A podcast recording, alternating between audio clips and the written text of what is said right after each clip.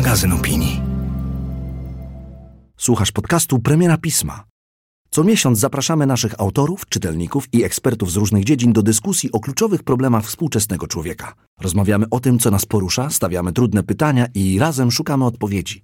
Partnerem wydarzenia jest kancelaria CMS, Dzień dobry, witam Państwa bardzo gorąco w kolejnym odcinku podcastu Premiera Pisma. Podcastu, który pojawia się zawsze z nowym numerem świetnego magazynu, jakim jest Pismo, magazyn opinii. Ja nazywam się Justyna Dżbik-Kluge, jestem dziennikarką.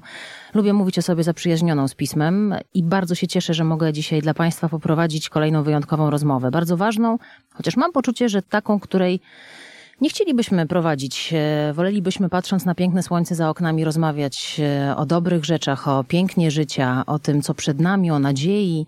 A rozmawiamy o tym, co dla niektórych zaczęło się 24 lutego 2022 roku, ale dla bardzo wielu zaczęło się wiele lat wcześniej. Mowa oczywiście o wojnie na wschodzie, o wojnie w Ukrainie, o inwazji, o ataku Rosji na Ukrainę i dzisiaj będziemy o tym mówić w kontekście językowym, no właśnie, mówić o tym, jak się o wojnie mówi, bo bardzo wielu ekspertów podkreśla w mediach, e, że ta wojna jest inna od wszystkich wcześniejszych, z tego względu, że jest to również wojna informacyjna, wojna, którą oglądamy na żywo, wojna, którą widzimy niemal jeden do jednego z ludźmi, którzy mają swoje smartfony w okopach czy w schronach e, i możemy być e, niemalże u nich na ramieniu i widzieć, jak to strasznie wszystko wygląda. Jak mówić o wojnie w sposób etyczny? Jak dobierać źródła informacji, żeby nie dać się zmanipulować, żeby nie oszaleć, bo pewnie bardzo wielu z Państwa ma taki syndrom, że od paru ładnych tygodni wstaje w nocy, skroluje e, swoje media społecznościowe albo różne portale i sprawdza, czy Kijów się jeszcze broni. Pismo zaprosiło do rozmowy jak zawsze doskonałe grono ekspertów, ekspertek, wspaniałe gościnie w studiu Osorno, w którym nagrywamy dla Państwa ten odcinek. Nieco dalej, bo zdalnie z nami gość, ale od kobiet zacznę. Dr Magdalena Baran, filozofka, publicystka, redaktor prowadząca miesięcznika Liberté, autorka podcastu Jest sobie kraj. Dzień dobry Magdaleno. Dzień dobry. E, dzisiaj my wszystkie w takiej eleganckiej czerni. E, obok Magdaleny e, dziennikarka. Trenerka wystąpień publicznych, e, autorka cyklu On E, w którym opowiada o języku dziś, instagramerka Kamila Kalinczak. Dzień dobry. Dzień dobry, dobry wieczór Państwu. Nie wiem, czy w eleganckiej czerni, bo go nie widzimy, ale na pewno jest z nami również fotograf i dokumentalista, który od lat zajmuje się tematem migrantów, tematyką praw człowieka. Właśnie tym zagadnieniom poświęcasz e, swoją pracę, swoje zdjęcia, swoje reportaże. Karol Grygoruk. Dzień dobry, Karolu. E, dzień dobry, dobry wieczór. Ja też w czerni. E, tylko tak dodam. Życzyłabym nam wszystkim, żeby ona była tylko elegancka, a nie gdzieś tam idąca w stronę smutku czy żałoby. E, patrzę na to słońce, które jest za oknami i patrzę na wasze smartfony, które tutaj dziewczyny mają przy sobie. Ty też pewnie, Karolu, masz swojego smartfona. Ja jestem bardzo ciekawa w kontekście naszego dzisiejszego spotkania, które ma taki tytuł Koszmar na wszystkich ekranach, jak dziś mówić o wojnie. Skąd wy czerpiecie informacje o tym, co się dzieje w ostatnich tygodniach? Skupmy się na tej wojnie od 24 lutego, bo ja patrzę na Magdalenę, która za chwilę właśnie pewnie mnie, poprawi mnie, że to nie jest nowy konflikt zbrojny, ale skąd wy wiecie, kogo słuchać, co czytać, jak budować sobie e, swoje wyobrażenie o tym, co się dzieje na froncie? Magdalena. Kogo czytać, jak słuchać? Słuchać mediów. Znaczy, słuchać mediów, szukać, e, mm, szukać informacji e, z mojego punktu widzenia, tak naprawdę, gdzie tylko, gdzie tylko się da.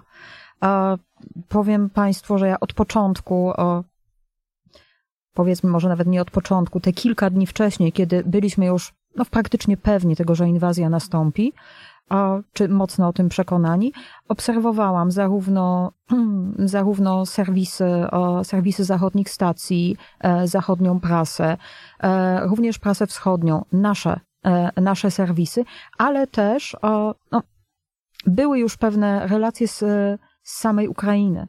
A dla mnie to były po części relacje, tak jak mówisz, że mamy, że, że, e, że przeciągamy, przesuwamy palcem, prawda, po ekranie. E, dla mnie częściowo były to już relacje moich studentów, którzy, moich ukraińskich studentów, którzy akurat pojechali na ferie zimowe do domu. E, oni też obserwowali pewne, pewne zaniepokojenie, o tym zaniepokojeniu pisali, nagrywali na ten temat filmiki. Wiemy też, że niektórzy wprost już usłyszeli, że ta, że ta wojna będzie, w związku z czym, czy decydowali się na to, że, że tutaj wracali, jeśli to byli chłopcy, a kilku takich młodych, młodych mężczyzn też, czy to moich studentów, czy studentów moich kolegów poznałam. Mm, czy wymieniali między sobą informacje, którymi się, którymi się dalej dzielili.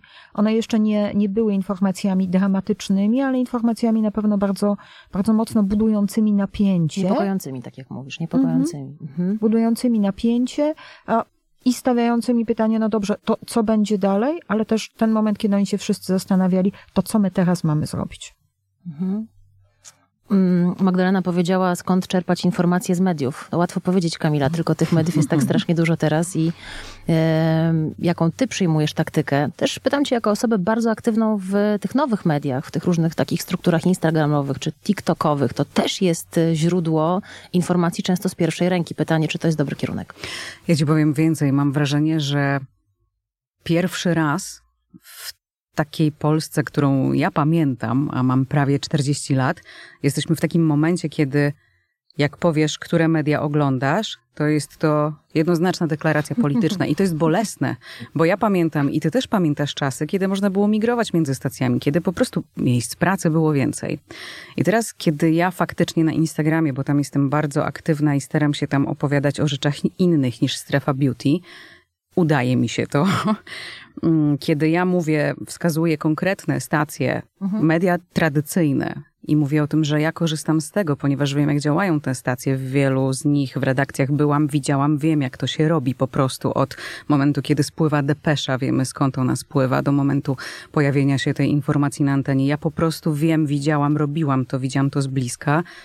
Kiedy podaję te mm, nazwy, no to wiesz, co się dzieje. No po prostu e, reaguje cały internet, no i oczywiście reagują też osoby, które z tymi mediami nie są zaprzyjaźnione i przeradza się to wiatkę, przeradzało się to wiatkę polityczną, ponieważ ja myślę sobie, że jesteśmy w takim też momencie, w którym nigdy media społecznościowe nie odgrywały aż tak istotnej roli. To znaczy, wiedzieliśmy o tym, duży format, to nie wiem, napisał o tym kilka lat temu, że istnieje coś takiego jak farmy troli. Ja bardzo dobrze pamiętam ten e, tekst i on wtedy mi się wydawał takim trochę science fiction, nie? Że siedzą jacyś kolesie, piszą jakieś rzeczy, ale w ogóle tak, jakieś tak, za pieniądze. To, to było z 10 lat temu. Potem zobaczyliśmy, były oczywiście mm, takie informacje, bo pamiętam wtedy pracowałam w TVN24 BIS i byłam odpowiedzialna między innymi za prowadzenie programów w okolicach mm, kampanii prezydenckiej i wyborów prezydenckich i pamiętam, że, że, wtedy faktycznie mówiło się o tym, że media społecznościowe odegrały gigantyczną rolę mhm. Mm, i wywarły wpływ na wynik tych wyborów. No ale to też trochę taka jednak, trochę daleko, prawda? I nagle dzisiaj jesteśmy tu i widzimy, co się dzieje w mediach społecznościowych. Ja byłam umęczona jak nigdy pierwszymi dniami wojny, ponieważ postawiłam sobie za cel naprostowania tego. To znaczy uznałam, że skoro dostaję ten głos, skoro kilkadziesiąt tysięcy ludzi chce mnie słuchać w tych mediach społecznościowych, to muszę wykorzystać całą swoją wiedzę i doświadczenie i pokazać tym państwu, którzy często nie wiedzą i po prostu potem się okazało, że to z niewiedzy wynika to, że oni się czasami dają nabrać i, i pokazać im, jak to działa, jak weryfikować informacje. A czemu byłaś umęczona? Y, bo mówisz, że chciałaś naprostować. Co było takie na początku? Ten zalew treści? Czy to, że każdy był ekspertem od wojny? Każdy był ekspertem i zalew treści. emocje, tak? Tak, mhm. ale wiesz co? Ja wiem, że czytelnice i czytelniczki pisma to wiedzą, ale dla państwa, którzy używają Instagrama. Nie dla wszystkich było oczywistym, że influencer nie jest źródłem informacji. Influencerzy z gigantycznymi zasięgami, znacznie większymi niż moje, udostępniali informacje wszystkie, które się pojawiały. W cudzysłowie nawet powinnam zrobić informacje, bo to były fejki. Słynna historia o koncie Baśka z podróży, czy Basia w podróży, czy coś takiego, które okazało się fejkiem, które ja widziałam podania z tego konta widziałam u osób, które, no wiesz, są związane z mediami i teraz ci ludzie nam wierzą. Ale co było z Baśką z podróży? Wyjaśnij tym, którzy nie wiedzą. Mm, Baśka z podróży albo Basia w podróży. Jakoś tak. Pojawiło się konto, bardzo szybko zyskiwało popularność. Rzekoma Basia była na miejscu, rzekomo była fotografką, rzekomo od sześciu lat w podróży. Ktoś przytomny bardzo szybko zweryfikował, że zdjęcia, które publikuje są kradzione nawet nie z tych regionów świata Jasne. i tak dalej, i tak dalej. No ale poszło. 60 tysięcy osób zebrała wokół siebie w ciągu zaledwie dwóch dni, kiedy duże serwisy informacyjne podały informację, że to jest nieprawdziwe konto. Mm, konto zniknęło, zostało zarchiwizowane. I teraz mnóstwo osób pisało do mnie, kurczę, dałem się złapać, ba bałem się o nią. Ona mówiła, że schodzi do schronu, że, no bo Tak, tworzymy dezinformację właśnie.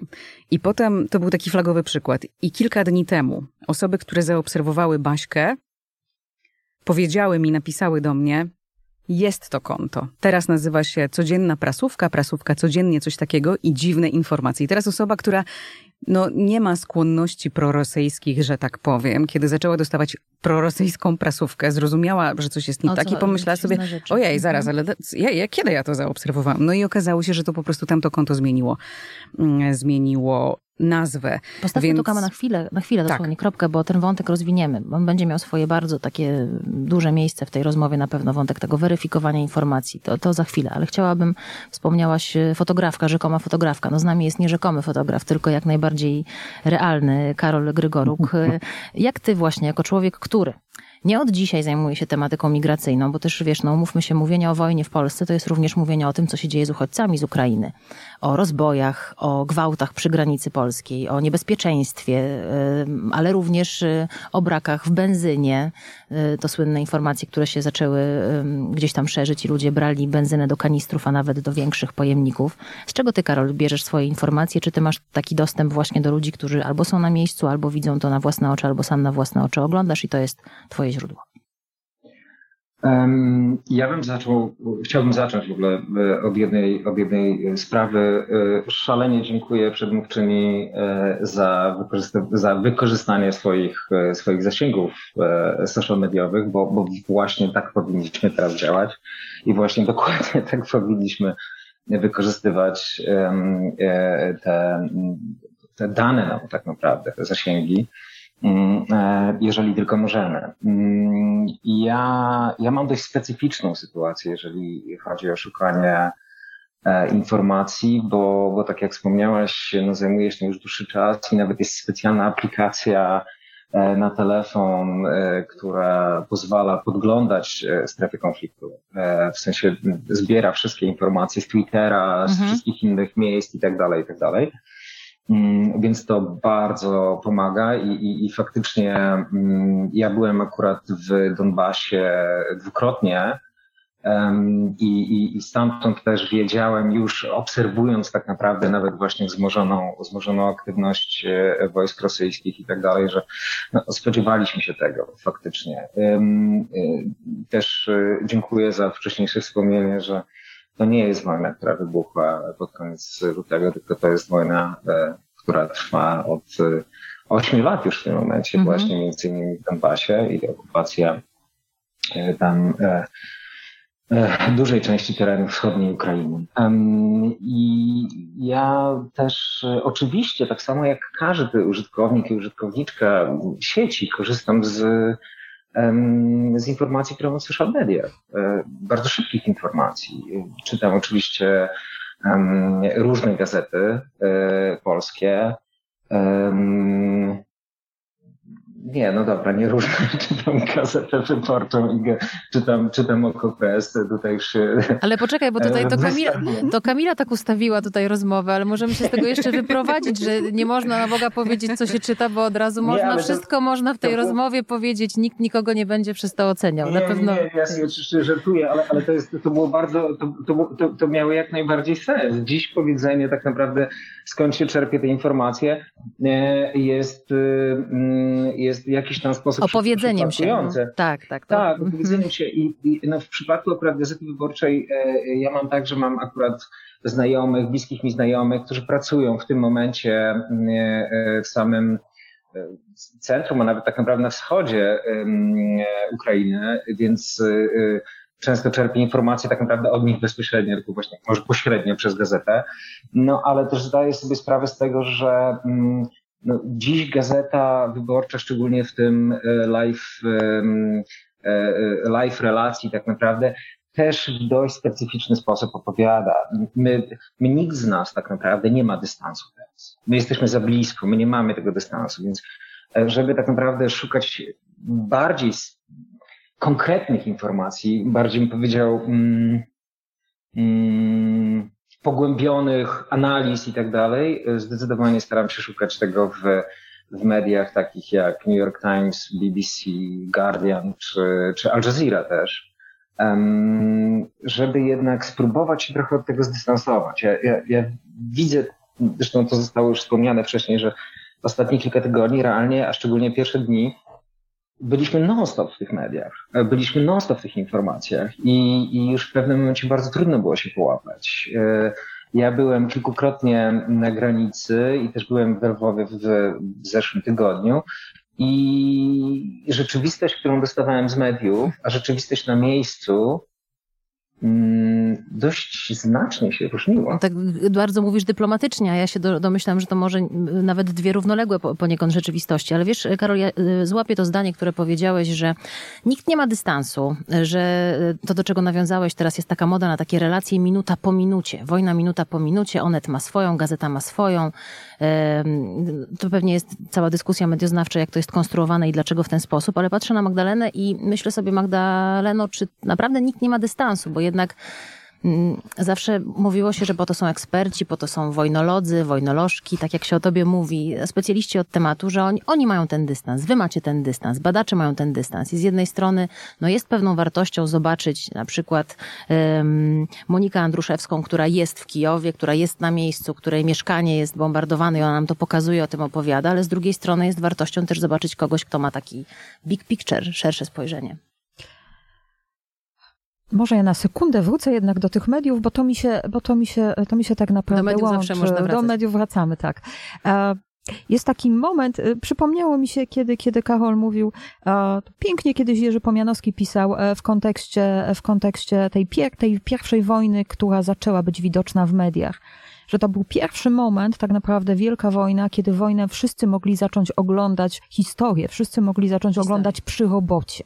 Mhm. przy robocie, bo najpierw gdzieś o niej czytano, a tu nagle zaczęły ją ogłaszać me e, megafony, pojawiała, pojawiła się pod piórami, e, pojawiła się na ekranach, pojawiła się w radioodbiornikach, stała się opowieścią dostępną. To był ten pierwszy moment, e, kiedy Wielka Wojna, to był pierwszy moment, kiedy de facto ludzie zaczęli być zupełnie inaczej świadomi w ogóle wojny. Mówisz, mówię, o mówię o Wielkiej Wojnie, czyli o pierwszej wojnie światowej. Ja, ja uparcie używam tego sformułowania jednak Wielka Wojna.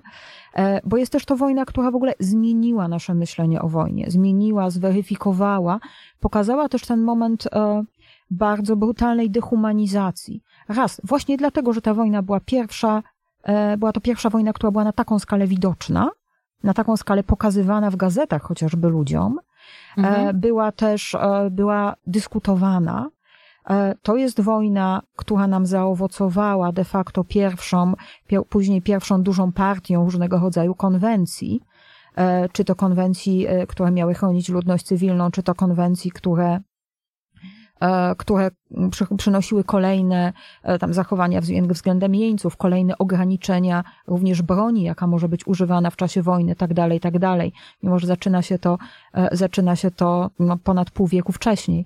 Mm, natomiast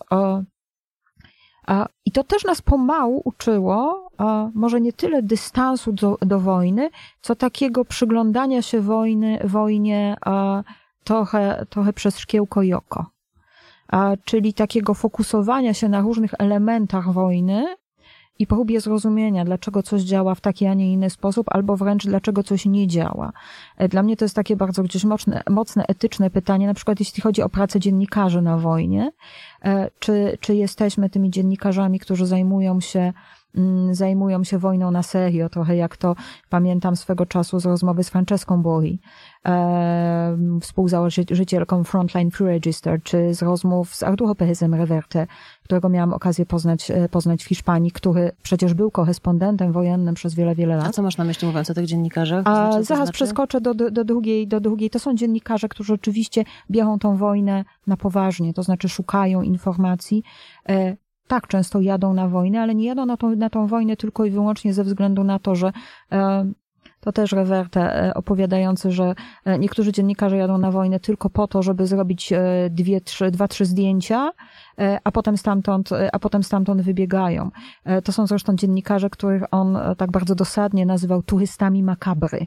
Ale ten spór jest Mhm. bardzo aktualny, mam wrażenie, również dzisiaj. Nie wiem, czy Państwo zauważyli, jaka dyskusja Mhm. przytoczy, czy toczy się na temat chociażby, nie wiem, Wojtka Bojanowskiego, dziennikarza TVN24, Mhm. który jest bardzo dobrym, rasowym, można powiedzieć, dziennikarzem. Wielokrotnie No ale nagradzanym. faktycznie, nagradzanym absolutnie. Natomiast no, pytanie, czy to, że on już zagościł u Kuby Wojewódzkiego i Piotra Kędzierskiego i opowiedział o swoich wrażeniach, że ciągle jest zapraszany do swojej stacji i opowiada o swoich wrażeniach, że pewnie jeszcze paru innych podcasterów go ugości. Jakby on, który jest twórcą, nagle jest tworzywem tej wojny. Pytanie, czy to jest właśnie kierunek, ale to taka wrzutka do tego, Magdaleno, co mówisz, bo to nie od dzisiaj, ale to jest aktualne, tak? O tym też, no, nie wiem, czy dziennikarze CNN-u, którzy też są w Kijowie, też są, nie wiem, w Mariupolu, nie zauważyłam, żeby poza relacjami gdzieś tam siedzieli na kanapie i opowiadali, czy im się podobało, czy nie w schronie. O, bardziej opowiadają o tym po wojnie. Pamiętam, pamiętam dziennikarzy nawet BBC, BBC CNN-u, którzy po, po wojnie w byłej Jugosławii dzielili się tego rodzaju wrażeniami, ale to są jednak te, e, ten moment, kiedy dzielą się wrażeniami z dystansu. I, I to, w jaki sposób na przykład swoimi opowieściami o wojnie dzielił się, czy, czy właśnie Perez Reverte, czy e, w jakim dzieli się nimi Wojciech Jagielski, to jest zupełnie innej klasy rozumowanie, ale pytanie, czy, czy my rzeczywiście musimy w tej chwili oceniać tą klasę. Bo jeżeli bierzemy pod uwagę, mówimy dobrze, Bojanowski e, siedzi na kanapie u Kuby Wojewódzkiego, a pytanie, co on tam mówi, w jaki sposób o tym Mhm, opowiada, bo dopóki opowiada e, o tym, no właśnie, co widział i jak wygląda ta wojna, a nie buduje jakiejś e, opowieści tylko i wyłącznie, e, przepraszam za wyrażenie, sensacyjnej, wokół, wokół siebie, dopóki tak? Wokół jest to swojego. tak, dopóki jest to, Mhm. dopóki jest to prawda tej sytuacji, to być może są, trafia to do innych ludzi niż to, co pokazujemy, co pokazujemy w newsówce na ekranie, niż to, co napiszemy, niż to, w jaki sposób będziemy no, tą wojnę rozważać, czy rozkładać sobie na czynniki pierwsze. Mhm. Czy ty, Karolu, coś chciałeś dodać? Bo tak e, wyłączyłeś się dosyć, tutaj słyszałam twoje potakiwania, Tak. przy, przy, więc myślę, że, że jest od ciebie słowo. Zastanawiałem się, zastanawiałem się, czy słychać moje. Mhm, Słychać, aha, słychać, one tak, są bardzo tak. znaczące i są Słuchaj, potrzebne, bo wiemy, że, że chcesz się włączyć. To jest ten czas. Przepraszam, przepraszam, ale tak, zdecydowanie w sensie wszystko to, co zostało powiedziane, mm, myślę, że mogę absolutnie się pod tym podpisać. Yy, Ja bym tutaj akurat yy, Wojtka, pozwolę sobie powiedzieć, Wojtek, nie, nie poznaliśmy się nigdy, ale tak został przedstawiony, ym, bym też nie osądzał, bo, bo, bo to też nie do końca jest nawet jego wina, że, że zostaje wprowadzony w coś takiego. To znaczy, że, że, że ludzie chcą faktycznie takiej, takiej postaci słuchać. Czy, czy, bo też mów- mówmy się szczerze, nie wiem, e, program mm, Wojewódzkiego czy, czy rozmowy u, u Piotrka Gędzierskiego to są jednak rozmowy w jakimś tam stopniu rozrywkowe. W sensie one, one, one mają dać tą rozrywkę, ale jak możemy się temu dziwić, skoro em, co roku produkowanych jest kilkadziesiąt filmów wojennych, które w jakimś tam stopniu gloryfikują tę wojnę. Czy, czy też mamy e, taką, taką, taką postać reportera wojennego, będę mówić reportera z męską końcówką, bo na ogół jest to reporter, w sensie tak jest przedstawiany w mediach i tak dalej. E, Forma mm, też e, e, właśnie kogoś, kto jedzie, żeby przeżyć bardzo ciężkie doświadczenia, później się nimi podzielić. Też bardzo często romantyzujemy tą sytuację, zupełnie pomijając bardzo często złamane życiorysy i, i bardzo trudne tu chodzi mi od razu po głowie Mary Colvin, e, e, jedna z najsłynniejszych dziennikarek wojennych, która zginęła w Syrii, e, która tak naprawdę miała bardzo, bardzo ciężkie życie. Życie pełne uzależnień, życie pełne traumy i tak dalej, i tak dalej.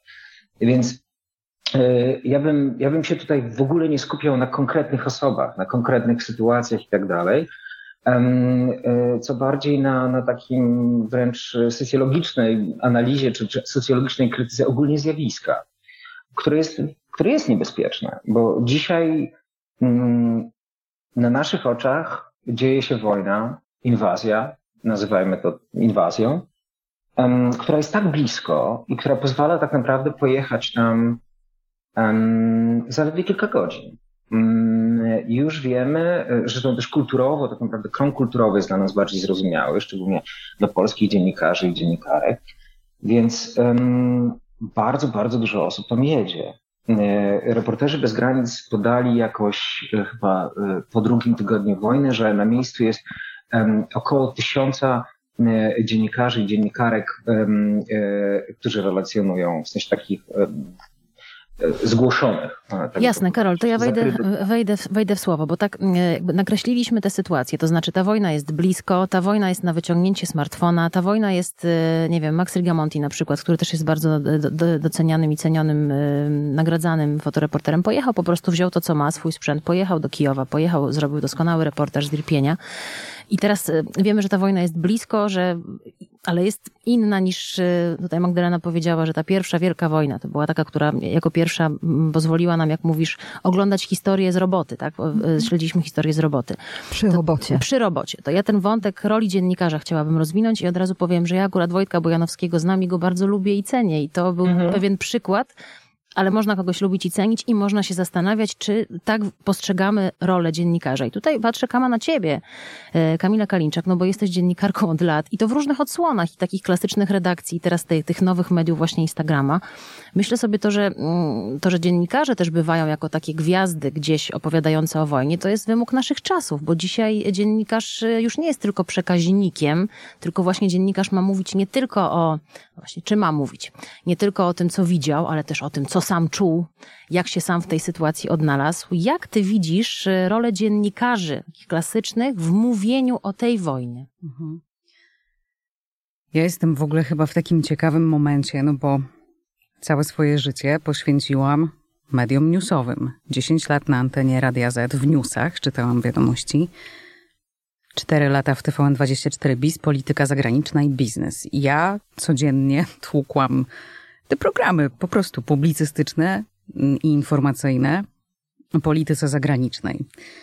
I teraz od dwóch lat, już w, od trzech lat nie pracuję w newsach i dość mocno weszłam w media społecznościowe. Newsowcem jest się na życie, to jest, ta, ta krew nie przestaje płynąć, to jest DNA, ale jednak faktycznie w zupełnie innej bańce komunikacyjnej jestem. I teraz ja bym chciała, żebyśmy nie toczyli takich dyskusji na temat tego, czy Wojtkowi wypada pójść do Kuby mm, wojewódzkiego, czy nie. Bo ja uważam, że takie dyskusje -huh. są mhm. szkodliwe. Bo uważam, że to środowisko jest okrutne, nasze środowisko dziennikarskie. I kiedy w pierwszych dniach był tam tylko Wojtek, wszyscy oglądali go na Instagramie. Kiedy w mhm. pierwszych dniach był tam tylko Wojtek i wchodził do tego mieszkania, które było do połowy zniszczone, wszyscy mówili, o kurde, Bojan jak zawsze. Ja też znam mm, Wojtka bardzo dobrze mm, z, z pracy, pracowaliśmy przecież w tym samym miejscu i bardzo go cenię. I wtedy to jest takie trochę wow. A dopiero jak to okrzepnie i Wojtek wróci, to wszyscy, no tak, jasne, ten to poszedł odcinać. Jakie Ale wszyscy kupony? tak nie mówią, to nie jest, nikt ja, tak ja nie wiem. powiedział. Ja w ogóle nie mam, ja, czy ja w ogóle chciałabym wymazać to pytanie, bo nie idźmy w tę stronę tą dyskusją. Tu mm, jakby być może taką niespodzianką było podanie nazwiska. Nieważne, czy to jest Wojtek, czy to jest Tomek, czy to jest Wyrwał, czy to jest Andruszewska, ktokolwiek, nieważne.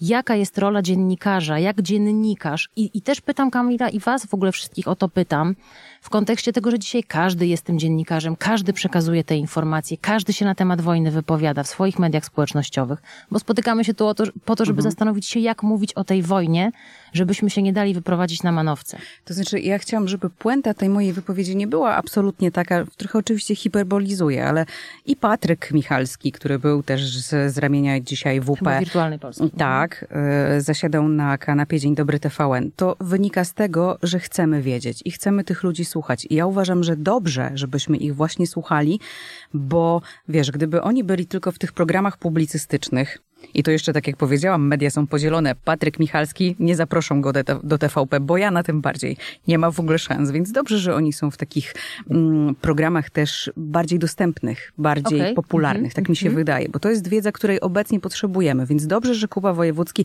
ja tego nie oglądałam, ale jeżeli nie, bo to go zaprosił, nie, nie był to program, to był nowy podcast. Oni mają podcast Aha, okay. z Piotrem Kędzierskim na Onecie i on był gościem podcastu. To, to bardzo dobrze, uważam, bo, mhm. bo chcemy wiedzieć. Natomiast y, tak samo jak śledziliśmy relacje Justyny Grondeckiej, prawda, z Afganistanu, kiedy była wojna w Jagody. Jagody, przepraszam, właśnie. Kiedy była wojna w Afganistanie. Chcieliśmy wiedzieć, nie mieliśmy tam nikogo i ona też potem była zapraszana do podcastów, więc ja uważam, że to bardzo dobrze, bo nie zgodzę się ze zdaniem, że wszyscy jesteśmy dziennikarzami. Wiem, że trochę mhm. puszczasz do nas oko. Właśnie nie. Jasne. Nie słuchajmy w tym momencie, kiedy um, bombardowany jest Kijów, influencerów, tylko zaglądajmy do Wojtka Bojanowskiego, który jest na miejscu, bo wtedy był na miejscu. Mhm. Więc ja uważam, że to, że on przyjeżdża i potem ma szansę coś dopowiedzieć. Pamiętam jedną z relacji, to chyba prowadził program e, Michał Schneider, który się połączył z Wojtkiem i mówi, Wojtek, widzę, jak jesteś zmęczony. Widać było, że ten człowiek nie śpi już od dłuższego czasu, no bo taka jest ta praca. Więc wydaje mi się, że kiedy on ma tę okazję powiedzieć nam coś z lekkiego dystansu, bo domyślam się, że ma mnóstwo obrazów w głowie, to powinniśmy mu dać mówić, więc nie uważajmy, że ta rola tego reportera kończy się w momencie, kiedy on e, zjeżdża z tej placówki, z tego miejsca, w którym miał nas informować. Mhm. mhm.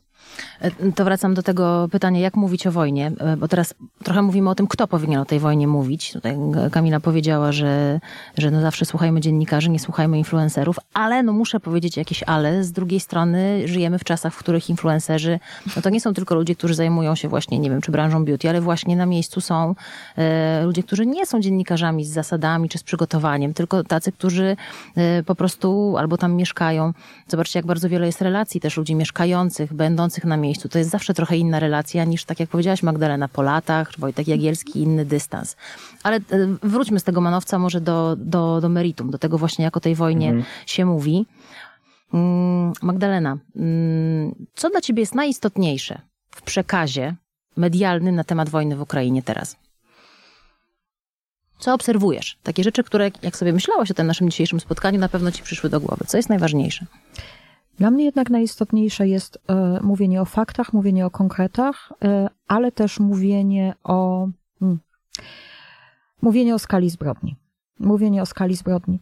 A to jest też coś, o, kiedy, kiedy jeszcze e, mały odwrót do tego dziennikarstwa. A, do mediów zawsze się, możemy wracać. Tak, co, coś, z czym się sama spotkałam w zeszłym tygodniu, pisząc tekst dla Forbesa. Pisząc tekst Forbesa poświęcony e, wyrokowi Międzynarodowego Trybunału Sprawiedliwości w Hadze. I chwilę wcześniej przeglądałam różne, przeglądałam różne media i okazało się, że połowa mediów e, absolutnie myliła dwa trybunały. I myślę, że też e, mm, Trybunał Sprawiedliwości Trybunał, i Trybunał Karny, oba w Hadze. A więc myślę, że też gdzieś zadaniem jest przede wszystkim trzymać się faktów, sprawdzać fakty, pilnować faktów. A szczególnie jeżeli jesteśmy tu też na miejscu i możemy te fakty absolutnie sprawdzać. A tu jest od razu pytanie, jak? Bo tutaj, wiecie, my wszyscy siedzimy no to w temacie, To był prosty fakt do sprawdzenia. Czy, no to był akurat prosty naprawdę, fakt do sprawdzenia. Czy i wszystkim kiedy... się chce sprawdzać, jeżeli gdzieś czytasz jest taka informacja. Kto to weryfikuje? Czy jeżeli, e, jeżeli e, uważasz się za eksperta, e, to tak. Ale mówimy do, jeżeli nie mówimy do ekspertów, pretendujesz do, roli, jeżeli, ale w tym momencie mówię o tej odpowiedzialności samego mhm. dziennikarza. Jasne. A kiedy słyszę z ust kilka godzin już po ogłoszeniu wyroku dość, dość znanego polskiego dziennikarza w TVN24, że Trybunał, Międzynarodowy Trybunał Karny wydał wyrok, Mhm. No to wszystko się gdzieś we mnie jeży, bo jednak to są takie osoby, od których wymaga się, tacy też publicyści, od których się wymaga wiedzy. No Jeśli dobra, chodzi no o teraz... tym, kiedy mówię o skalę zbrodni, mhm. to tak naprawdę mówię po pierwsze o, e, o tych zbrodniach, które gdzieś będą sądzone właśnie przez Międzynarodowy Trybunał Karny, czyli w przypadku Ukrainy możemy tu mówić o trzech typach zbrodni, e, zbrodni wojennej, zbrodni przeciw ludzkości i zbrodni, i zbrodni ludobójstwa, bo, Ukraina, bo, bo Ukraina nie podlega od, e, od tego swojego momentu podpisania um, statutu rzymskiego w 2015 roku, nie podlega um, pod, pod zbrodnię agresji. Oni tego, tej części akurat nie podpisali. Rok później Putin w ogóle wycofał Rosję spod jurysdykcji Trybunału. O tym, o tym przy innej okazji. E, natomiast dla mnie jest trochę zestawienie tych zbrodni, zestawienie myślenia etycznego i myślenia na przykład o tym, w jaki sposób e, działają Rosjanie, w jaki sposób działają Ukraińcy, na ile jest to zgodne w tym momencie z konwencjami, a zatem mhm. z prawem wojny, z międzynarodo, z, z, i z konwencjami i, e, i z kartą Narodów Zjednoczonych, tak dalej, tak dalej, e, ale też jakiego rodzaju broń zostaje użyta, czy to jest coś, o czym pisałam swoją zresztą pierwszą książkę poświęconą wojnie, czy możemy mówić, że ktokolwiek prowadzi w tym momencie wojnę, wojnę sprawiedliwą. A, Mhm. Bo tutaj na przykład, kiedy mówimy o tym, możemy powiedzieć, że Ukraina w tym pierwszym warunku prowadzi wojnę sprawiedliwą, no bo została zaatakowana. Ja strasznie nie lubię jednak tego słowa inwazja. Ja, ja wolę używać słowa wojna. Tu się zjeżyłam. Tak, Karolu, E, mina zjeżyłam się bardzo na to. o inwazji, tak, była Tak, bo to było, to też był taki problem, kiedy mówiliśmy e, o, o aneksji Krymu, kiedy de facto, zgodnie z, między, z prawem międzynarodowym, e, w momencie, kiedy statki rosyjskie zablokowały Krym, tam była wojna. To nie był konflikt, to nie była eskalacja nastrojów. To był akt wojny. Kropka. Czyli to, co jest dla ciebie ważne, to jest to, żeby mówić o skali em, ludobójstwa, o skali e, zachowań. My o ludobójstwie nie mówimy w przypadku Ukrainy. Tak naprawdę Ale powiedziałaś przed chwilą, E, że nie jest mówię, że, że, kategorie, że tak? podpadamy pod trzy zbrodnie. Mhm. Natomiast w przypadku Ukrainy, i myślę, że to też jest coś, co jest mocno nadużywane w mediach, to jest mówienie o, o ludobójstwie na Ukrainie. Jeśli chodzi o zbrodnie ludobójstwa, to zgodnie z tymi definicjami lemkinowskimi, zgodnie z konwencją też o zapobieganiu ludobójstwie, ludobójstwu, e, tam e, ludobójstwo, e, żeby doszło do ludobójstwa, musi być ludobójcza intencja. E, W przypadku tej zbrodni osądza się w intencję, intencję związaną z wyniszczeniem wielopoziomowym danej grupy etnicznej, narodowej, oczywiście. religijnej. Mhm. I, I to też jest coś Znaczy, o właśnie, ile z czym... pamiętam, to sam Żeleński po prostu się odwoływał też do, do mówienia o ludobójstwie, do, do mówienia o tym, y, o tym, żeby po prostu postawić Rosję w, wobec odpowiedzialności takiej zbrodni. Ale za odłóżmy to. zbrodnię przeciw bo znowu- ludzkości, tak, za zbrodnię wojenną, tak, o ludobójstwie póki co nie możemy mówić, jeśli trzymamy się definicji prawnej. Wróćmy do języka. Znaczy, Wróćmy do tego, Czy właśnie mhm, właśnie do... jedną tylko dopytać do sposobu e, mówienia. inwazję? Mhm. W jaki sposób e, e, rozumiecie, w jaki sposób skąd było to zwierzenie? Bo ja muszę przyznać, że e, zdecydowanie bardzo nie lubię określenia konflikt, bo ono zakłada jakieś takie, mm, nie wiem, e, dualizm tej sytuacji, jakąś, jakąś mm, sytuację dwóch podobnych podmiotów, które ze sobą walczą. Wojna jest dość ogólnym. Jest Właśnie trochę specjalnie używam tego określenia inwazja i jeżeli go używam w zły sposób, to chętnie bym to zmienił. Porozmawiajmy o tym, tym bardziej, że to jest też bardzo ważny wątek e, w sposobie mówienia o tej wojnie. Zauważcie, że mówienie w Ukrainie i na Ukrainie, tutaj też uśmiecham się do Kamili, która na e, różnych meandrach językowych zna się świetnie. Profesor Katarzyna Kosińska mówi obie formy poprawne, ale są ludzie, którzy z wyboru mówią w Ukrainie po to, żeby podkreślić niezależność Kamila. Tak, żeby pokazać językiem, tak samo inwazja, Karol mówi specjalnie po to, żeby pokazać trochę swoje nastawienie, jakąś niezgodę do tego, jaki to jest akt agresji. A ekspertka mówi konflikt, tak? Jak to jest, Kamila, z tymi słowami, które nam, wiesz, nawet w eksperckiej debacie jednak zdradzają nasze nastawienie? Tak, ja też musiałam sobie poczytać po prostu słownikowe definicje. E, Czym jest inwazja, czym jest wojna, czym jest konflikt. Serio, ja też robiłam Insta Stories o tym, że to nie jest żaden konflikt, tylko że to jest wojna. E, I akurat jeżeli chodzi o kwestie na Ukrainie i w Ukrainie, to pokazała mi ta kwestia kilka rzeczy, o których nie chciałam wiedzieć. Pokazała mi przede wszystkim, jak gigantyczna jest agresja wśród internautów. To znaczy to, w jaki sposób obrzucają się inwektywami, jak kompletnie nie są w stanie rozpoznać u siebie biernej agresji albo agresji wprost, to jest w ogóle coś bez nazwy i nadaje się na książkę. Pokazało mi też, jak z jaką łatwością ludzie korzystają z manipulacji. Dlatego, że pani profesor Kłosińska owszem powiedziała, że obie formy są poprawne. Pan profesor Miodek zwrócił uwagę, że on woli mówić na Ukrainie i powiedział o tym w wywiadzie. Tylko, że do wywiadu był komentarz. Państwo powołujący się na profesora Miodka nie doczytali komentarza. Bo pan profesor Miodek w komentarzu powiedział, że z jego czy o- on interpretuje sytuację i źródła w ten sposób, że jednak na Ukrainie, ale nie ma nic przeciwko mówieniu w Ukrainie, bo rozumie z czego to wynika. Nie będę opowiadała z czego, bo Państwo Właśnie czytelnicy mówimy, na tak. pewno, Tak, mm, tak. na pewno wiedzą. I teraz jest jeszcze jedna rzecz, o której my sobie nie zdajemy sprawy, e, z której nie zdajemy sobie sprawy i myślę, że to akurat jest wynik tego, do jakich szkół chodziliśmy, że ten system szkolnictwa jest taki zero-jedynkowy, że my oczekujemy w kwestii języka zero-jedynkowych rozwiązań. A te przecież dostępne są wyłącznie w wąskim bardzo mm, obszarze, mm, w gramatyce. Językoznawcy nie mówią nam, jak mają mówić. Językiem polskim rządzi uzus, więc tak naprawdę to my decydujemy o tym, która forma z, zostanie uznana za właściwą. Oczywiście mamy ten stopień forma wzorcowa, mamy język potoczny i tak dalej, i tak dalej. Natomiast oczekiwaliśmy tutaj zero-jedynkowości, no i problem pojawił się wtedy, kiedy jeden językoznawca mówił tak, a drugi tak, nie wiadomo co z tym zrobić. No tak, to jak to u nas ostatnio lubimy, tak po dwóch stronach. Ta polaryzacja też e, gdzieś tam wiążąca się z rozwojem mediów społecznościowych, to jest kolejny wątek na inną rozmowę, ale powiedziałaś, że sama musiałaś trochę doczytać definicji słów wojna, inwazja, agresja. To czemu to jest wojna, Magdaleno, a czemu to nie jest inwazja? Może tak, to jest wojna, okej, okay, kropka. E, natomiast kiedy ja myślę o inwazji, no to jest jednak ten moment wejścia, to jest moment zaatakowania. To jest, e, ale w tym momencie na terenie Ukrainy toczy się wojna. E, de facto Która Rosja, rozpoczęła się od inwazji. Która rozpoczęła się od wejścia, od wejścia wojska, od zaatakowania. Karol, ja pytam w twoim imieniu. Natomiast tym, ja można tutaj też mówić, że inwazja oczywiście jest najechaniem jakiegoś kraju przez inny kraj. E, Mhm. Ale ja mówię w tym kontekście cały czas, że na Ukrainie toczy się w tej chwili wojna. E, To jest Mhm. wojna, gdzie e, i bardzo, i dlaczego ja tak bardzo się jeżę na to słowo, na to słowo inwazja, bo, ta, bo to słowo czasami e, wydaje się niektórym, że użycie słowa inwazja, agresja, właśnie konflikt, że to są słowa jakoś łagodzące. Nie, wojna jest wojną.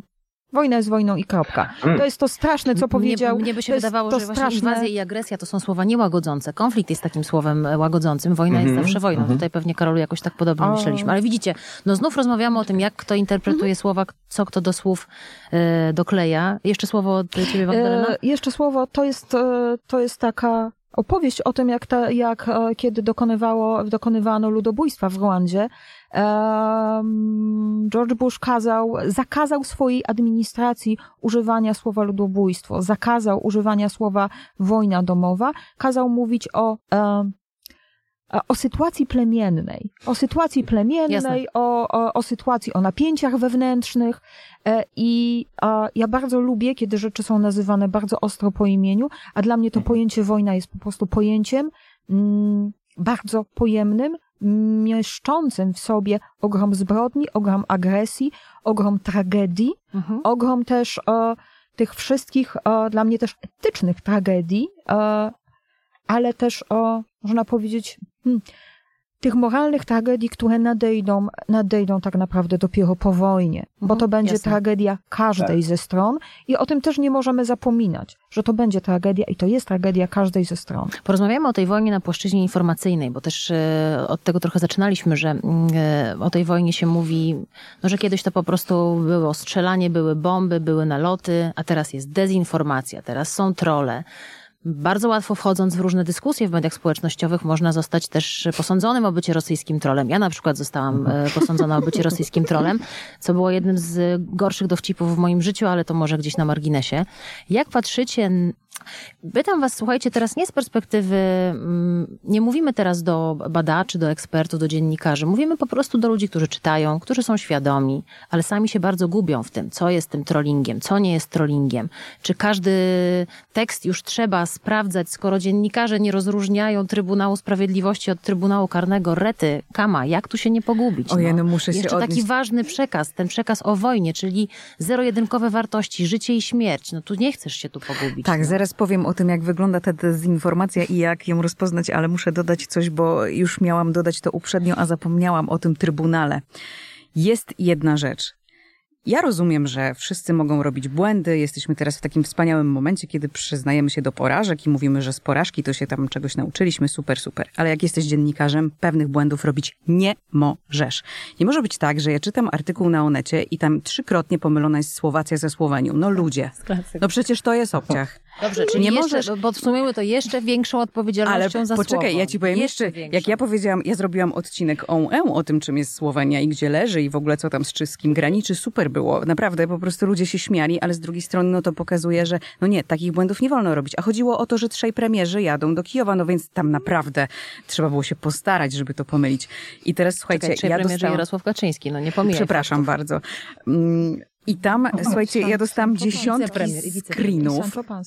Ja dostałam dziesiątki screenów, słuchajcie, z mediów francuskich, co było dla mnie absolutnym szokiem, co wyprawiają media francuskie. I to nie jakieś takie media, wiecie, małe, gigantyczne, największe media francuskie, jak robią mapki, to my jesteśmy, słuchajcie, wszędzie. Odessa należy do Polski. To jest w ogóle jakiś absurd kompletny, ale nie uwaga, przepraszam, bo puenta będzie teraz. Bo dostałam z tego samego źródła, z którego dostałam mapkę, że Odessa jest w Polsce dzisiaj, że pan premier Mateusz Mazowiecki i to trzy razy stało w tym artykule. Piękny awans. No, Naprawdę. naprawdę. No, A to nie Tak, pierwszy raz taki błąd spotyka. Karol? Karolu? Ja bym, ja, bym, ja bym się tutaj włączył do jednej rzeczy, bo ja, ja bym w ogóle tutaj zaadresował współczesną toksyczność mediów. Bo, bo to jest też powód, dla którego to wszystko się dzieje. tak. My możemy spokojnie podzielić sobie mm, tak naprawdę, bo wracając tak naprawdę, żeby już nie skupiać się tylko na tych mediach, ale wracając do tego, jak my w ogóle do języka medi- do, do języka wojny, do, do, do, i do, do tej, mm, do pokazywania wojny. Y, Po raz, oczywiście mamy drugą wojnę światową, e, okej, mamy pierwsze zdjęcia, znaczy pierwsze zdjęcia pojawiają się jeszcze dużo wcześniej, chyba tam 1855 to jest Phantom, Mm, e, te, e, e, mm, Valley of Shadow of Death i tak dalej. ale- 53 mm, ale wojna później- krymska. Nawet. Tak, dokładnie. E, Później oczywiście druga wojna światowa, lądowanie w Normandii, Robert Capa i tak dalej, ale to wszystko Robert Capa robi kilkanaście, kilkadziesiąt rolek. Dzisiaj mówimy o kilkudziesięciu tysiącach zdjęć z jednego dnia, czasami e, reporterów wojennych i tak dalej.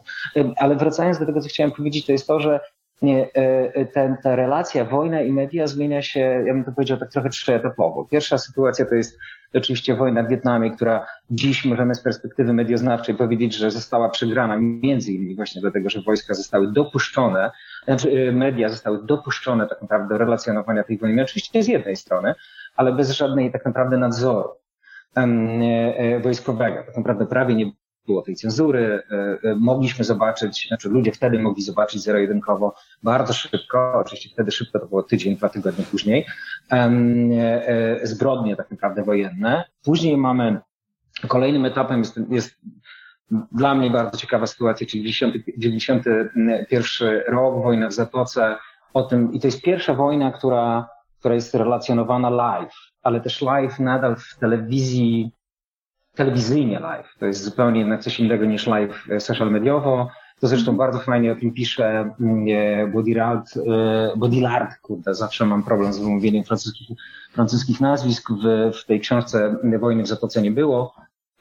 Później mamy dalej e, ten etap, w którym teraz jesteśmy, naprawdę, czyli social mediowo, to co się dzieje i to jak e, media dzisiaj muszą funkcjonować, jaką ilość treści każdy dziennikarz i dziennikarka muszą dostarczyć, reporter, reporterka z terenu tak naprawdę, jest to, mm, a w tym samym czasie zarabiają zdecydowanie mniejsze pieniądze.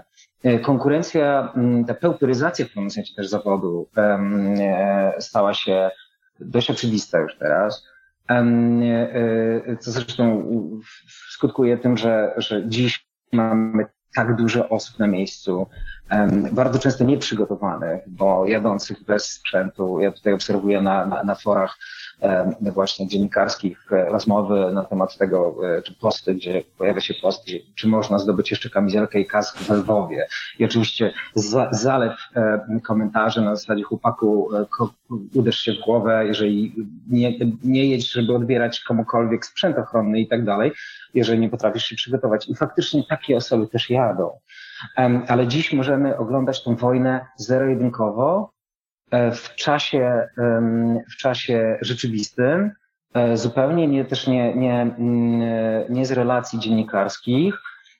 I tak naprawdę ten wyścig o tę informację skutkuje e, spadkiem jakości. Tak, Karol, ale wiesz co, bo Bo- wyścig to jest jedno, natomiast ja mam tutaj e, wrażenie, że to jest jednak o tyle level wyżej. To znaczy, chciałam was zapytać wprost o to, czy informacją można wojnę wygrać albo przegrać. To znaczy, e, bardzo dużo się mówi w mediach o tym, jakie jest morale. Jakie jest morale wojsk ukraińskich. Jaki przekaz buduje chociażby Żeleński, jak wyglądają jego filmy, to co on mówi, gdzie on się pojawia, jak bardzo, jeżeli pojawiają się, nawet dzisiaj szykując się do naszego spotkania, oglądałam taki filmik, w którym muzycy ukraińskiego zespołu zapraszają, mówią do Eda Shirana, który organizuje za chwilę, za kilka dni, e, pod koniec marca, koncert na rzecz Ukrainy. Oni mówią, my z tobą zaśpiewamy zdalnie, my będziemy w bombardowanym Kijowie, a ty będziesz w Londynie i zrobimy taki koncert, tak? Zobaczcie, co oni pokazują, my się nie boimy, tak? Na ile, Magdalena, na ile to jest tak, że w dzisiejszych czasach to nie jest pytanie z tezą, to jest pytanie, jak, jak sądzicie. Ale no mówi się też o tej propagandzie, co się dzieje z Putinem, gdzie jest Putin, czy ma Parkinsona, czy jest w tym schronie. Patrzcie, żyjemy tą informacją. To nie jest bez wpływu na ludzi, również tych walczących, tak? Te wszystkie śmieszne filmiki o traktorach ukraińskich, które przesuwają czołgi, TikTok, który, TikTok, który pokazuje wojnę, tak? Mhm. Na ile w ten sposób się równolegle ta wojna toczy i może ona, te zachowania mogą zadecydować o wyniku tego, co się dzieje w terenie. Magda, Leno. A, czy ona się toczy równolegle, czy to jest równoległa wojna? A ja się trochę gdzieś kiedyś nad tym zastanawiałam, ale, ale, ale wracając, wiesz co, na pewno e, informacja napędza. Informacja napędza, ale też dezinformacja napędza pewnego rodzaju działania. Dobrze, oglądamy, oglądamy, oglądamy, wielu z nas widziało filmy, e, filmy codzienne, które nagrywa prezydent Ukrainy. A to są filmy z jednej strony budujące, oczywiście mm, zrobione częściowo, kiedy on wędruje przez pałac ze swoim smartfonem i dopiero e, siada i wtedy zaczyna się to właściwe, w cudzysłowie właściwe nagranie, ale to też jest oglądanie trochę tego prezydenta przy pracy. To jest pokazanie, jak on działa, jak on funkcjonuje. To są też te rzeczy, które nagrywa Petro Poroszenko Mhm. e, z samego, już, już z samego miasta. To są, to są filmiki nagrywane przez braci Kliczko, żeby tylko o tym powiedzieć. To jest tak naprawdę budowanie morale tego narodu. Pokazywanie, to jest to słynne, e, to jest to słynne, kiedy Żeleński, Żeleński powiedział, że on potrzebuje naboi, a nie podwózki, prawda? Tak, tak, to początek E, wojny. To jest bardzo- początek wojny, Mhm. ale to jest bardzo, to jest bardzo mocny przekaz. To jest przekaz mówiący, cokolwiek by się nie działo, ja zostaję tutaj z wami. E, Ale na Ja ile zostaję- ten przekaz, poczekaj, ale na to jest ile ta druga część. presja, na ile ta presja właśnie wpływa na efekt tej wojny? Nie wiem, czy to jest ja sądzę, że tego różne. To jest presja, nie presja. To jest budowanie pewnego wizerunku z jednej strony, ale to jest też budowanie takiego poczucia, ja nie chcę tego nazwać bezpieczeństwem, ale poczucia pewnej wspólnoty i tej wspólnoty Ukraińców, którzy walczą. Mhm. Tych Ukraińców, którzy wrócili do, na Ukrainę, tych Ukraińców, którzy, a jest ich przecież cała masa, zdecydowali się wziąć udział w wojnie, no bo tu my bronimy naszej ojczyzny. Dla mnie to jest w ogóle takie niesamowite wskrzeszenie mitu e, dulce et decorum est pro patria mori, słodko zaszczytnie umierać dla ojczyzny, zresztą mitu, którego ja osobiście organicznie nie znoszę i uważam za jeden z najbardziej szkodliwych mitów e, w historii ludzkości. Natomiast jest druga strona. Jest absolutna też dla tych rosyjskich wojsk tak naprawdę nieobecność w tej chwili głównego dowodzu, głównodowodzącego, nieobecność poza epizodami Putina, nieobecność e, i też dezinformacja, jaka sieje się w szeregach tych wojsk. Tu ukraińskie morale idzie w górę, a wszystko, a od strony rosyjskiej tak naprawdę to się obniża. Tam nie ma żadnego wsparcia, tam jest tylko i wyłącznie poczucie zagrożenia, ale też kończąc, to dla mnie to wojny? może mieć wpływ. No, oni dlaczego, z jakichś powodów dezerterują. Dezerterują nie tylko dlatego, że nie mają, że nie mają jedzenia i że nie mają, że nie mają nabojów, ale to też jest e, to obniżające, pikujące w dół morale powoduje e, to, że mm, no już tak naprawdę to my do końca nie chcemy walczyć z jednej strony, a z drugiej strony był ten moment, kiedy mówi się o tym, że no, kiedy brakuje pewnych informacji, kiedy brakuje też sukcesów, to to brak sukcesów napędza ma- em, machinę, wojenne, e, machinę wojenną, wojennego okrucieństwa, Okrucieństwa. Mhm. okrucieństwa szczególnie wymierzonego przeciwko Cywilom. ludności cywilom, Mhm. ale to też e, możemy powiedzieć, że dzieje się w aktach desperacji. I pytanie, e, czy takie akty, do czego takie akty desperacji de facto doprowadzą, bo po tej desperacji może być tylko ucieczka. Mhm. Ty masz, Kamila, takie wrażenie, że to jest wojna, ta, ta językowa wojna, ta internetowa wojna, ta, ta wojna na przekazy, na message, na, na, na jakieś e, informacje czy dezinformacje. To jest równoległa wojna, czy to jest element tej wojny? Ja myślę, że to jest element tej wojny. No, oczywiście dzisiaj nie wiemy, ile tego przekazu z zachodu dociera do Rosji, no bo wiemy, że tam są problemy z, z odbiorem Instagrama i tak dalej, chociaż influencerzy biedni, rosyjscy próbują to jakoś obchodzić, ale zobaczcie chociaż, jaki jest teraz internetowy wizerunek obu przywódców, nie? Władimir Putin zastraszony w bunkrze i przy tym długim stole, bo tak, się tak. boi, że ktoś go otruje. otruje. I przepraszam, że powiem to, co za chwilę powiem. Mam nadzieję, że Państwo się nie obrażą. Ja na co dzień jestem bardzo kulturalną osobą. Jeżeli chodzi o prezydenta Ukrainy, no to wszyscy wiemy, że dobrze, że ten największy na świecie samolot jednak nie został uziemiony, bo tylko on jest w stanie dźwignąć jego jaja. Nie? To jest ta różnica. I teraz zapytałaś o to, czy można wygrać wojnę informacją. Skoro można było wygrać wybory prezydenckie, będąc Donaldem Trumpem przy, jak wiemy, dużym już wsparciu mediów społecznościowych, to może można wygrać wojnę. Jeżeli można rozpocząć zamieszki na, na Kapitolu, będąc Donaldem Trumpem, przy użyciu mediów społecznościowych, to może można wygrać też tak. wojnę. Mhm. Ja powiem wam, że akurat to, że mm, oni mu zablokowali konto na Twitterze, wyrzucili go z mediów społecznościowych, prywatni, znaczy właściciele prywatnych firm, Facebook, Twitter, to było dla mnie, to jest dla mnie punkt zwrotny, jeżeli chodzi o media. To znaczy powiedziano, że dosyć. Nie może być tak, że wolność słowa nie ma żadnych granic. To znaczy nie możesz stanąć przed kamerą i opowiadać rzeczy, które nawołują do bardzo złych aktów, jak mhm. w przypadku ataku na Kapitol, agresji wręcz. To jest niebezpieczne i to mi się bardzo podoba, że my w pewnym momencie zaczynamy stawiać granice. Jeżeli, e, to znaczy absolutną Absolutnie złą sytuacją jest dla mnie sytuacja, w której wychodzi przedstawiciel rosyjskiego rządu w Polsce i żaden z dziennikarzy nie przerywa, nikt nie wyłącza mhm. kamery, kiedy on opowiada kłamstwa.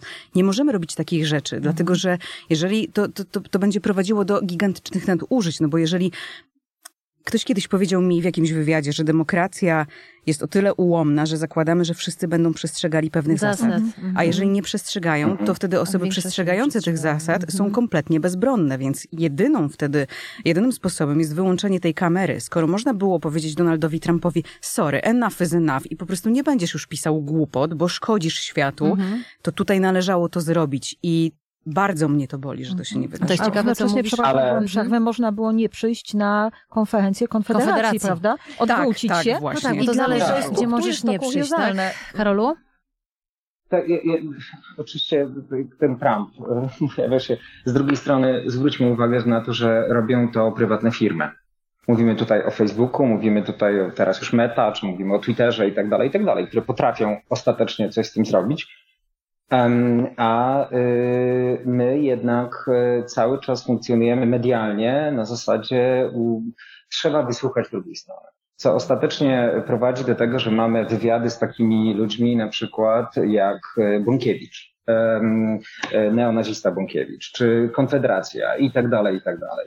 Ludzi, których nie powinniśmy nigdy dopuścić do głosu, zresztą tak jak zresztą zostało wspomniane tutaj wcześniej e, ambasador rosyjskiej i, i tak dalej. Więc y, to Wiesz co, Karol, jasne, myślę sobie, że e, tutaj e, Kamila podnosi rękę. Ja też e, o tyle dorzucę, że rozmowa o tym właśnie, jak te dwie strony, jak to jest w ogóle rozmowa o kanonach dziennikarstwa też, pewnie trochę mhm. na inny moment. Kamila, co chciałaś do tego dorzucić? Chciałam dodać, że usłyszałam kiedyś świetny argument a propos wysłuchiwania dwóch stron. Ktoś powiedział bardzo mądrą rzecz. Jak rozmawiamy o Holokauście, nikt nie zaprasza do rozmowy nazisty. Koniec, kropka. I uważam, że to jest tak. doskonały przykład. Dokładnie tak. W tym momencie Dokładnie żałuję, tak. że jestem tylko pytającym w tej rozmowie, ale to na następny raz spotykamy się i pogadamy. Ale ja chciałam przyczepić się do tego pięknego motywu e, przyrodzenia żełańskiego, który poruszyłaś. za to. Bardzo dobrze, bo to jest e, rozmowa bardzo, myślę, też sensowna o pewnym uśmiechu i o humorze wojennym. Miałam okazję rozmawiać z Oksaną Zabuszko, doskonałą ukraińską pisarką, która przyjechała do Polski promować swoją książkę, a została być ekspertką od tego, co się dzieje e, aktualnie. Ona była w mojej audycji radiowej i ja ją zapytałam tak nieśmiało, czy w ogóle żartowanie, bo, przecież są memy, są te zestawienia e, o Romach, którzy e, ukradli, nawet nasz prezydent żartujący sobie z grupy, która ukradła tam czołg czy, czy jakieś sprzęty rosyjskie. Ale podobno w Kijowie był taki dowcip na początku wojny, że Kijów rozważy podanie NATO o przyjęcie do do Ukrainy. Tak. I Zabuszko mi powiedziała, że to jest podstawa, że takie dowcipy, takie, taka narracja buduje też to morale. Bo wracam, nawiązując do, tych, do, do tego Żemańskiego i robiąc to koło, właśnie wracam do tego, czy tym słowem, czy tym przekazem, czy tym co my wybieramy czytać, tak? Czego czytanie wybieramy, jak wybieramy mówić o tej wojnie, to może zmieniać rzeczywistość. Nie, nie papier, nie nasz e, internet, tak? Tylko zobaczcie, czy to może. Mm... No, Miłosz pisał, że ze, ze słowa świat się począł, przez słowo się zmieni. Ja, ja jednak wierzę cały czas w moc tego. Ja, wierzymy, ja bardzo mocno to, wierzę w moc wiemy. słowa.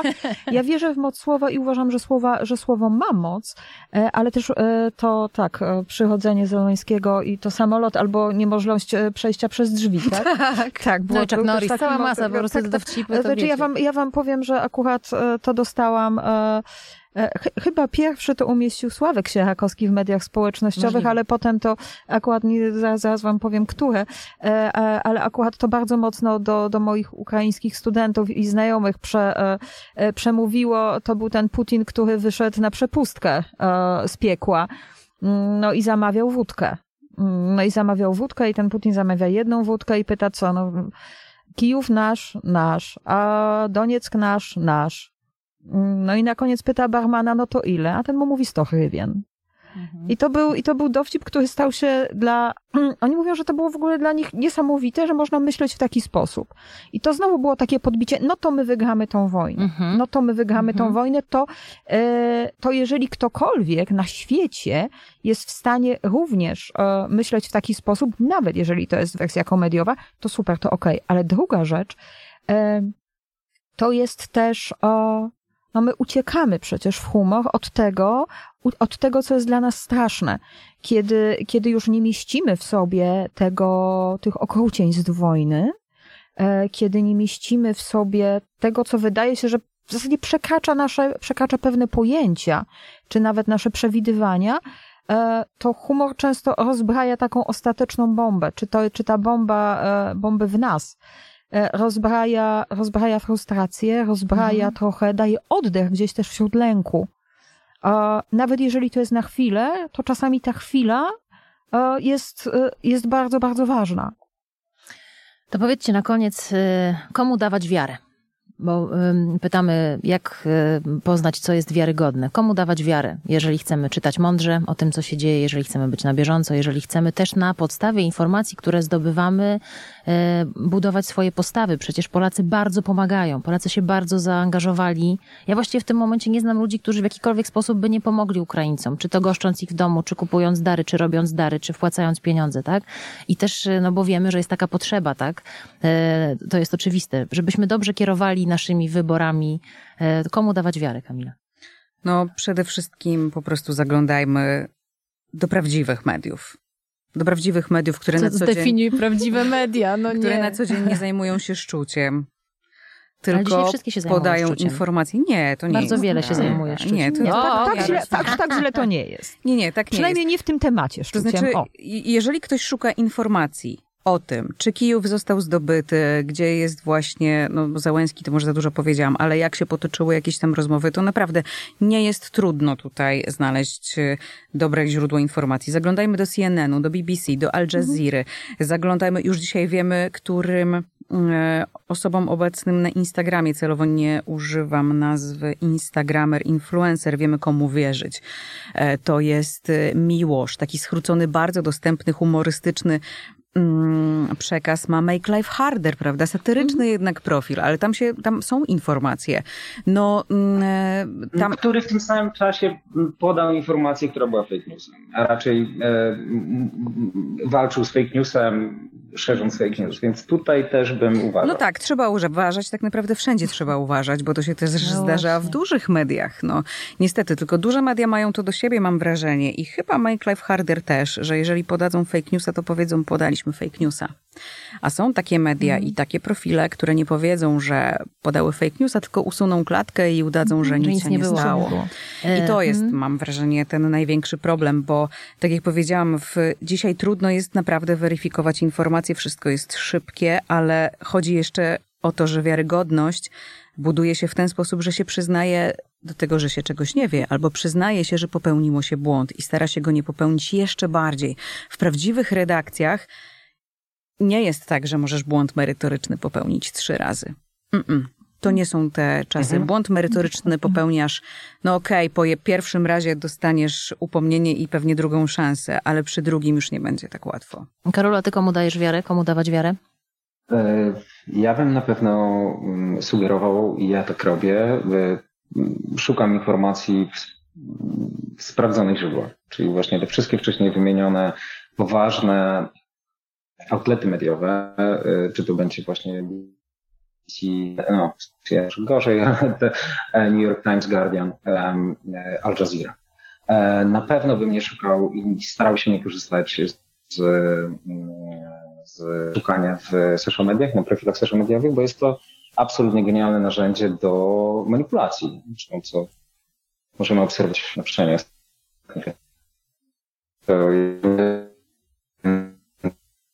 Brazylii, czy, czy Stanach Zjednoczonych, czy nawet, em, nawet e, w przypadku ludobójstwa. No tutaj e, świadomie używam tego określenia, tego, tego, tego, tego pojęcia i tutaj kilka lat temu już Facebook na łamach zresztą nowego New York Timesa przyznaje się do udziału, do swojego udziału w ludobójstwie mm, na społeczności Rohingya w Mianmarze um, został wykorzystany właśnie do tego. Więc na pewno nie social media. Mhm, Na pewno nie social media i na pewno trzeba uważać na, na, na manipulacje, które gdzieś tam się mogą pojawić i trzeba być, mam wrażenie, bardziej czujnym niż zwykle. Magdaleno, ym, to słowa wygrają tę wojnę? W słowach możemy ukryć najró- najróżniejszego rodzaju e, intencje i to są słowa, które my pisz, piszemy. My słowami piszemy o, o wygranej, ale też słowami piszemy o porażce. E, Jeżeli e, to, co zawierają słowa, oczywiście słowa mogą być piękne, słowa w cudowny sposób potrafią nam opakować kłamstwo. E, Kłamstwo, które będzie mm, albo właśnie, albo tym, tym opowieścią nieprawdziwą o wojnie, albo będzie też o mm, Mm, albo będzie też swego rodzaju o właśnie niewłaściwym zakończeniem wojny. To jest to, kiedy, kiedy rozmawiamy o traktatach wojennych, prawda? E, Tu, tu możemy się śmiać, że na lekcjach historii ostatni raz mówiliśmy o traktacie powojennym, o podpisywaniu układów pokojowych, ale one składają się z słów. One składają się z słów, które albo pozwalają nam na e, odtworzenie czy na stworzenie nowej rzeczywistości powojennej, tego, e, czym ja się w zasadzie najbardziej w tej chwili zajmuję, czy, czyli postwarem, ale nigdy nie powinny nam pozwolić powrócić do, jak to mówił Michael Walzer, stanu, status quo ante, do tego, co było przed wojną. Bo to, co było przed wojną, było bezpośrednim źródłem, bezpośrednim Mhm. źródłem kłopotów, jakich, jakie mamy. I tak naprawdę musimy to słowa zapisane, to w jaki sposób my ujmiemy tą przyszłą rzeczywistość i jak te słowa wejdą w życie, e, będzie wyznaczało dalszą, dalszą tak naprawdę historię, ale też dalsze, dalsze losy kilku narodów, a tak naprawdę naszego, możemy powiedzieć, świata. Dlatego ja się zawsze, ja się tu zawsze czepiam tego, tych słów i uważam, że słowa na tyle znaczą. To jest, to jest to powiedzenie z Kaczmarskiego, że słowa ważą, więc waży się słowa. I, i my w naszych narracjach o wojnie a, musimy te słowa bardzo ważyć. Kamila? Tak sobie myślę, że dobrze by było użyć słów, żeby przekazać światu, żeby ze względu na to, jak skończy się ta wojna, to Władimir Putin ją musi przegrać. Władimir Putin jako człowiek.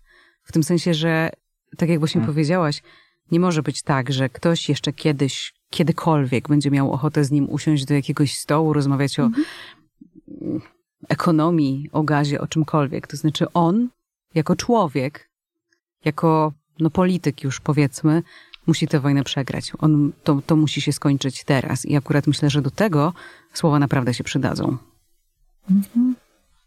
Tak mówią gościnie, tak mówią gościnie i gość tego kwietniowego odcinka podcastu Premiera Pisma. Kamila Kalinczak, dr Magdalena Baran i Karol Grygoruk. Pięknie Wam dziękuję za to spotkanie. A pismu życzę, żeby już więcej taka wojenna okładka, chociaż bardzo mm, na miejscu i bardzo adekwatna do sytuacji, nie musiała się jednak pojawiać. Justyna Dżbik-Kluga, dziękuję Państwu. Spokojnego wieczoru, popołudnia, poranka, kiedykolwiek nas słuchacie. Do zobaczenia, do usłyszenia. Partnerem wydarzenia jest kancelaria CMS.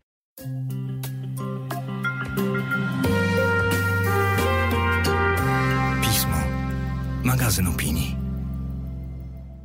Więcej materiałów znajdziesz na stronie miesięcznika Pismo, magazyn opinii pod adresem magazynpismo.pl.